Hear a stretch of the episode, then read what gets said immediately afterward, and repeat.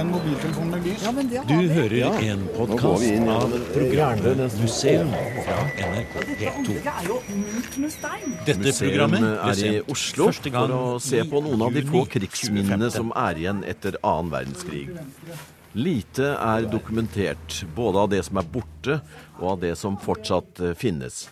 Men det pågår nå et arbeid for å sikre den delen av krigshistorien i hovedstaden.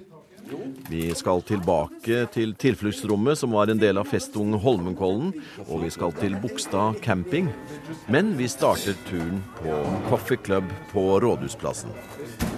Janne Wilberg, Oslo er, er, er liksom ikke noe jeg forbinder med, med bunkerser og brakker og tydelige minner etter krigen.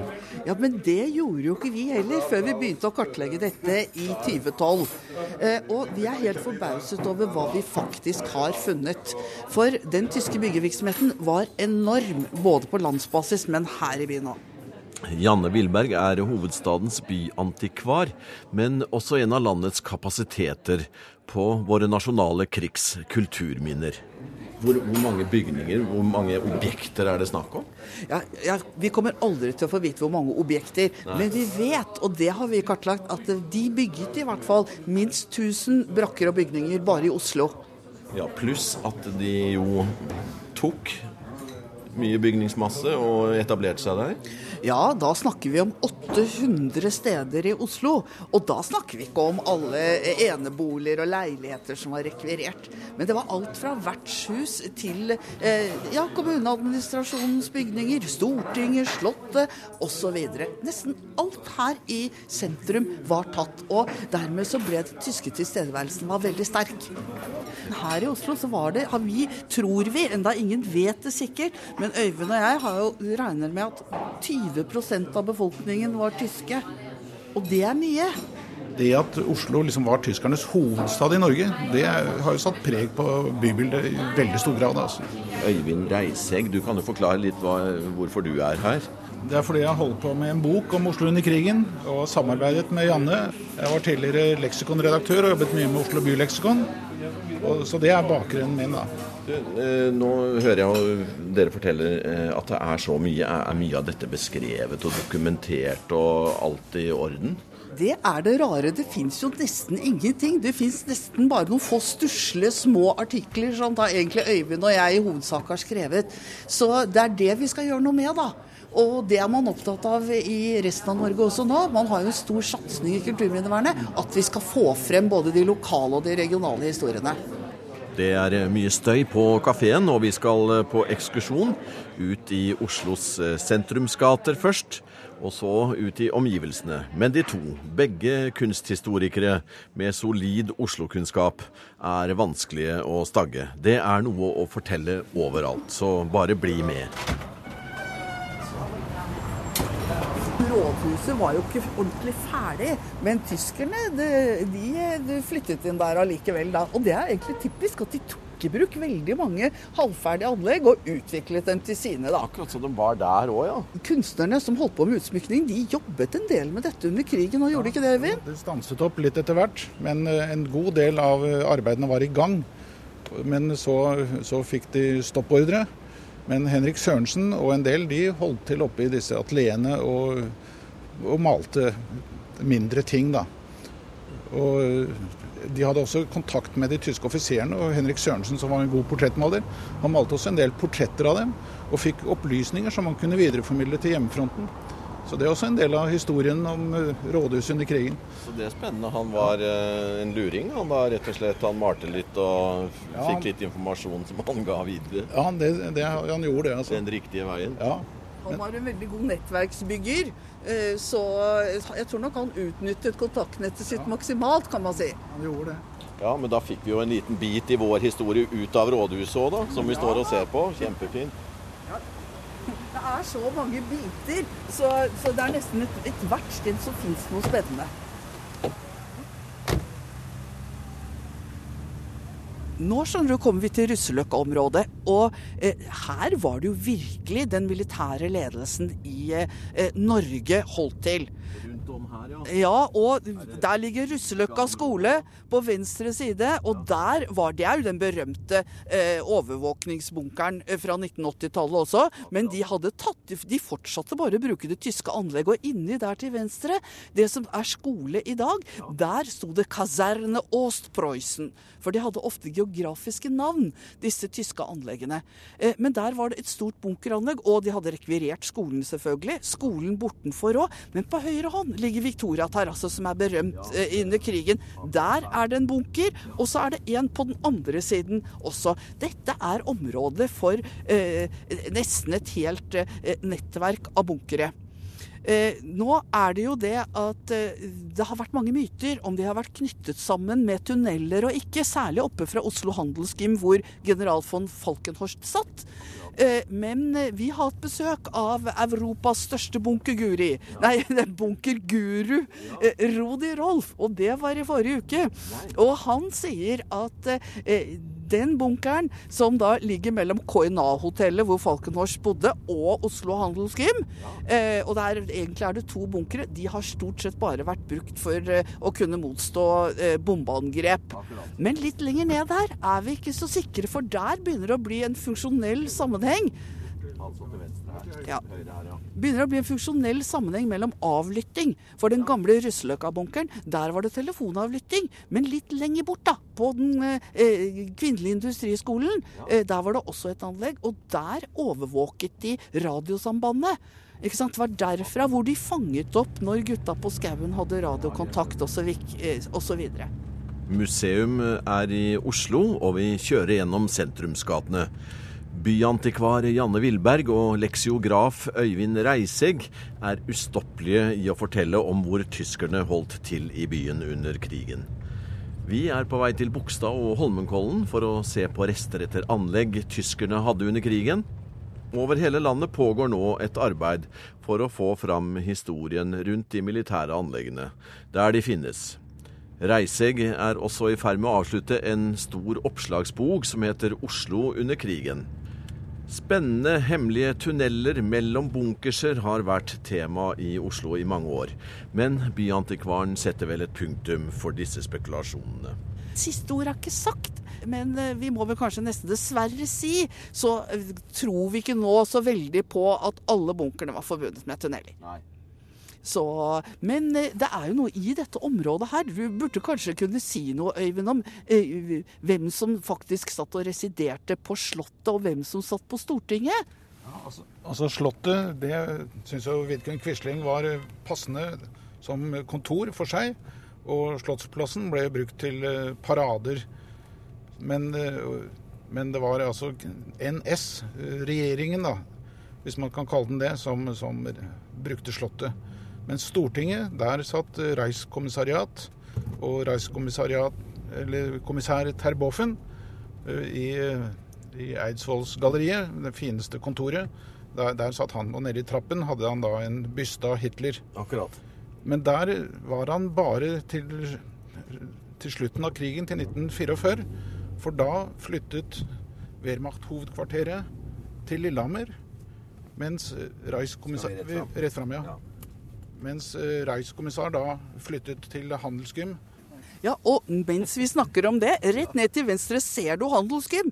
Anleggene ligger som perler på en snor her. Ja, det gjør det. Men du, hvorfor har ingen, ingen eh, gjort som eh, det dere har begynt på nå, da? Det er jo Det er et, det er et godt spørsmål, som det heter. Men det er nok det at både Janne Wilberg og jeg vi er kunsthistorikere og har vært opptatt av arkitektur. Og det er ingen av kunsthistorikerne som har kastet seg over dette området her, altså.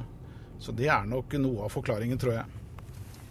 Ja, og det eneste, altså det som vi nesten kan kalle en slags bibel, er jo eh, den jobben som Forsvaret gjorde eh, fra midten av 1990-tallet, og laget landsverneplan for Forsvaret. Fordi omtrent halvparten av de tre, seks millionene kvadratmeterne man gikk gjennom da, det var jo tysk bygd. Akkurat. Eh, sånn at, eh, og da måtte man jo ha en systematisk tilnærming til det. Så det er på sett og vis det vi har som bakgrunnsmateriale for å kunne si noe fornuftig om det vi holder på med i Oslo. Ja, riktig. For det er så lite igjen at vi oppdager plutselig ja, hva har vi? Kan vi gi politikerne noe fornuftig råd? da, Hvis ikke vi vet hvor mye har det vært, er dette viktig, eh, osv. Ja, nå står trafikken litt her for oss fordi det visstnok er statsråd. eh, Statsministerens bolig er rett opp her. og Her er politiet til stede. Ellers ligger den israelske ambassaden og der er det alltid politi. Ja. Men når vi snakker om krigen her sånn, var, var det en villa som var rekvirert, hvor eh, man kunne verve seg til eh, frontkjempertjeneste og få legeundersøkelse og se om man eh, passet. Og det, det var jo mange som gjorde da. Så, så en av disse gamle villaene, eller sånn frittliggende leiegårder, der, der var det NS eh, frontkjemper vervekontor. Men vi burde kanskje si noe om restauranter og, og hoteller og sånt også? Ja, altså tyskerne la jo beslag på en rekke hoteller, men også en del restauranter som da ble tyske restauranter. Så, eh, som bare da var beregnet for tyskerne. Og de hadde jo også et horehus nede i eh, Dronningens gate 6, House Swings. Der eh, menige og underoffiserer kunne gå, mens eh, offiserene de hadde egne etablissementer. ja. Så Så de hadde full pakke. de hadde full pakke. Det var jo tusenvis av unge, unge menn som hadde behov for dameselskap. Og det ordnet de da bl.a. på den måten der. Ja, mens man snakker om unge menn. Eh, Oslo fungerte jo eh, på sett og vis et sted hvor folk eh, kunne hvile seg fra østfronten, og så regrupperte man før de ble sendt tilbake til fronten. Eh, og dette stedet har vi jo altså et eget venerisk sykehus, som er en del av dagens Aker sykehus. Det ble kalt for krigslasarett Sinsen, eh, eh, dette. Og det sier jo noe om kanskje hva de hadde opplevd ute også, og kan jo ha eh, sammenheng med eh, bordellene også, som vi vet det fantes flere av i byen.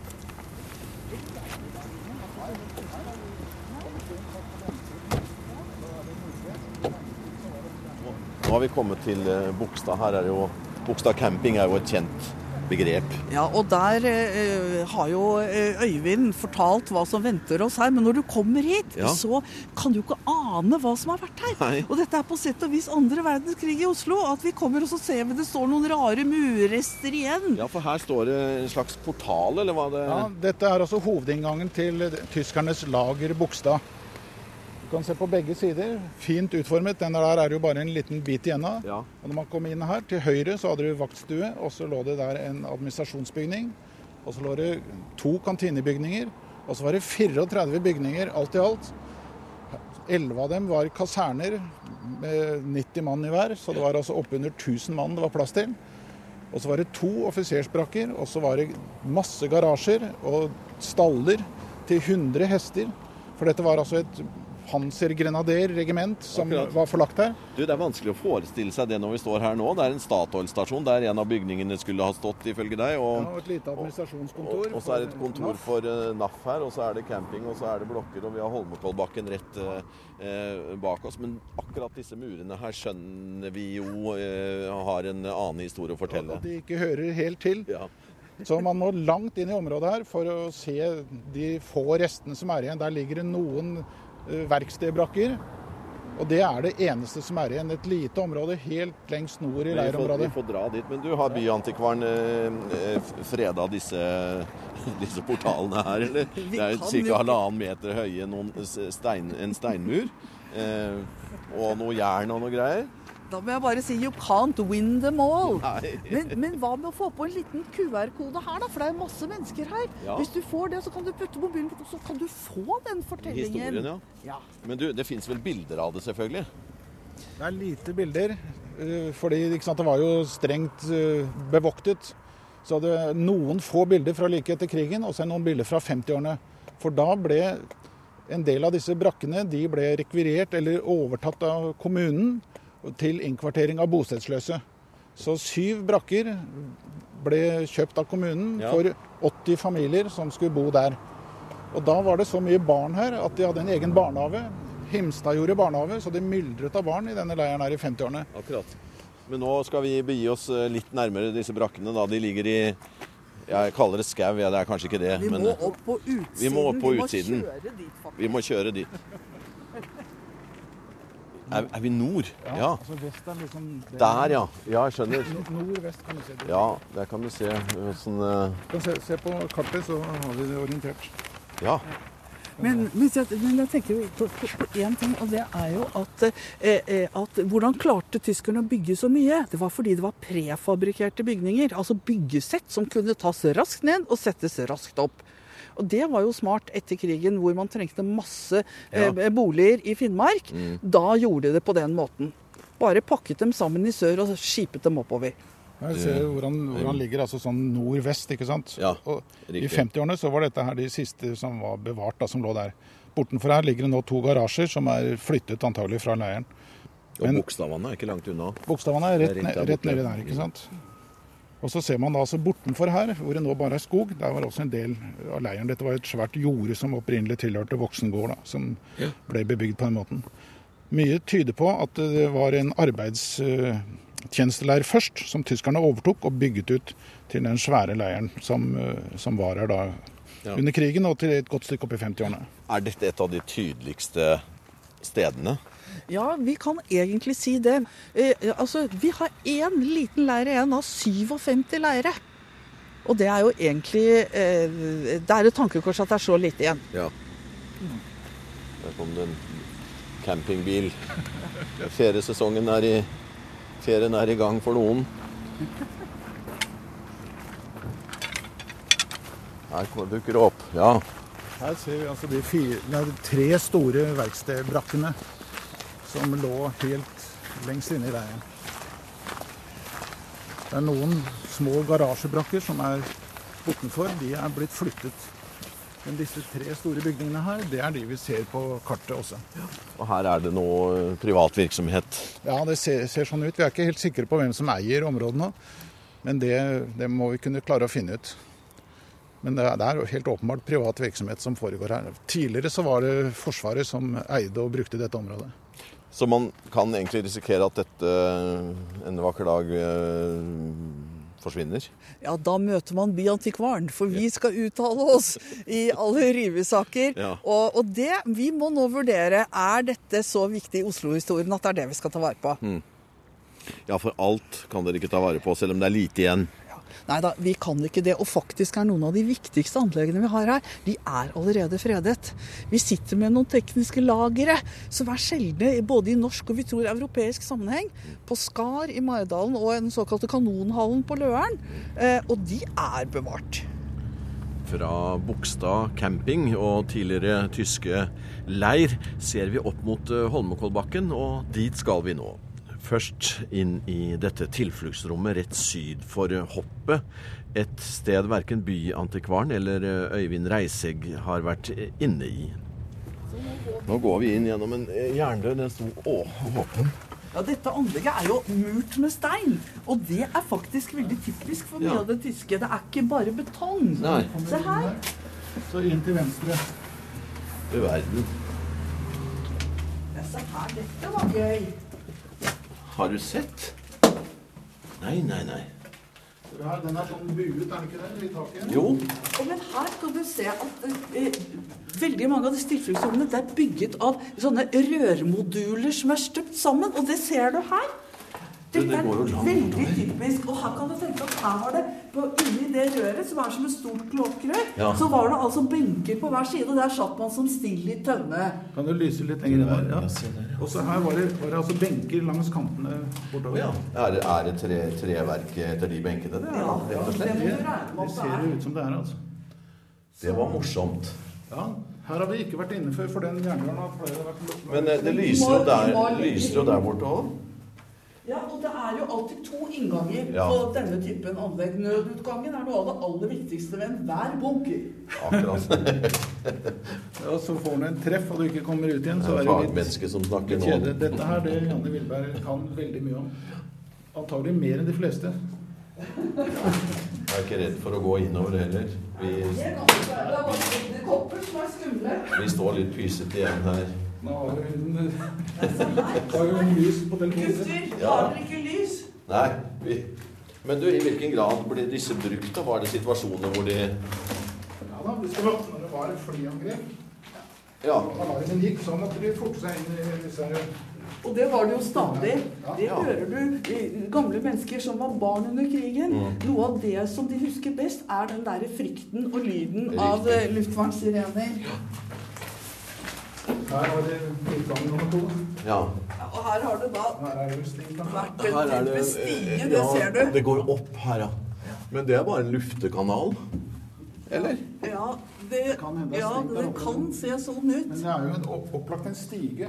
Ja. Hvor mange kunne være plass til inni her, da? du? Er det Ja, Det er ikke godt å si, men det, det er Det Jeg ville kanskje tro ja, Det er vanskelig. Eh, 60 mann. Åh, Altså for på, da hadde jeg fått panikk. på det der området hvor vi parkerte nå, der var det en radiostasjon. Så de som holdt det der, de stakk nok inn her. Når alarmen gikk. Alarmen gikk, ja. Ja, så var vi ute i dagen igjen.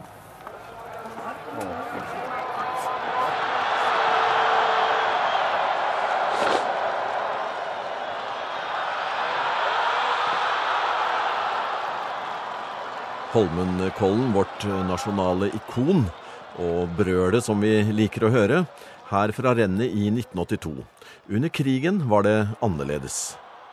Nå er vi altså kommet til et område nedenfor Holmkollbakken. Ja, den troner opp eh, bak Ja. her, og det flyr noen måker, det er eneste levende vesener som er i lufta nå. Og dette området vi står, står ved nå, det er altså der hvor Holmkollen, det gamle, de to gamle Holmkollen turisthotell lå. Ja. Og her sånn la tyskerne da en rekke brakker som vi kan se på kartet. Ja, nå er vi nede på kartet igjen. Der er vi der. Og her er det tilfluktsrom på begge sider. Og litt lenger opp hvor vi skal, hvor det nye Holmkollen turisthotell ligger, da, det som het Holmkollen sanatorium, Ja. der var altså hovedkvarteret til eh, Luftflotte Fynf, Luftwaffes eh, kommando for Danmark og Norge og nordlige Finland. ja. Og det er ikke så rart at de legger det litt Nei. høyt i terrenget. Høyt i terrenget, og så kunne de da grave seg ned i fjellet, Ja. fire etasjer, hvor de hadde kommandosentral. Og der lå det også to, to brakker som vi skal se på. Og så ser vi hele området her, det var altså gjerdet inn og var militært område. Og Holmkollbakken, som eh, sto her før, som Ja. hadde et høyt eh, betongtårn, Ja. det var bygget i 1940 til VM i 1941, men det ble det jo aldri noe av. Og selve overrennet det var i tre, så det var ikke ferdig. Men når tyskerne kom, så fant de ut at det tårnet egnet seg godt til å ha en mitraljøse på toppen. Så da malte de selve tårnet grønt i kamuflasjefarger. Og så hadde de da kanon på toppen. Du er, det er bortimot Festung Ja, Holmenkollen, Ja, ja det kan, kan man godt si. Ja. Kan man veldig godt si. Hele, hele dette området her var en festning, altså. Det tenker vi ikke på når vi ser hopperne og jubelbruse. Ikke sant? Så, så det var sånn som Holmenkollbakken var under krigen, så da var det ikke noe Holmenkollrenn i fem år. Nei. Siste rennet det var altså i 1940, i mars. Ja. Og det ble vunnet av Hilmar Myhre fra Kongsberg. Du sa, eh, Janne Wilberg, at eh, det er, det er helt gjennomhulla i området her. Det er virkelig fortifisert, holdt jeg på å si. Ja, Holmenkollen er som den reneste sveitserost. Ja. Og dette anlegget har jo også hatt betydning for Natos nordflanke, inntil den ble nedlagt eller flyttet til Kolsås, da. Så, så her snakker vi og Dette er sånn typisk for mange av de tyske anleggene. At det er det eh, etterkrigstidens eh, forsvarshistorie i Norge er knyttet til de anleggene. Ja. Ja, det er nysgjerrigheten og. Det var litt av en kanal, ja. Nå går det turstier rundt her. Nå er vi faktisk nesten rett under tårnet på, på bakken. Nå er vi liksom på topp. Er du på selve Holmen? Det her er Kollen, ja. Her er vi på taket av den øverste etasjen. Ja. Se her, ja. Her ser du de siste rester av eh, radarstasjonen med radartallerkenene Ja. ikke sant? på antennene. Nå går du opp på et stort anlegg. Ikke sant? Denne er, flaten ja, er og taket nede på under her. bunkeren. Hvor dypt ned tror, har, dere, har dere vært inne her? Janne har vært der. Ja. Ja. Er, det, er det mange etasjer ned? Fire etasjer, var det ikke det? ja, det var kanskje det det var. Ja. Ja da, jeg eh, Hvor mange kan da ha vært engasjert eller hatt tilhold her oppe? Nå er det hundrevis av mennesker. Altså. Ja.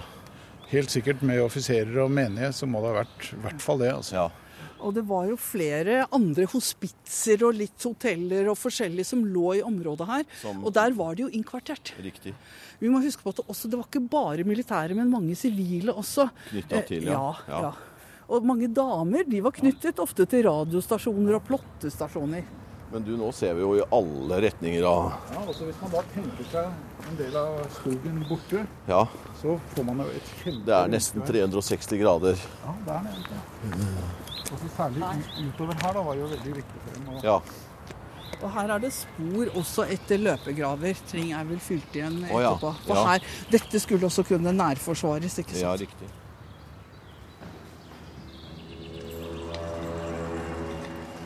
Du har hørt en podkast fra NRK P2.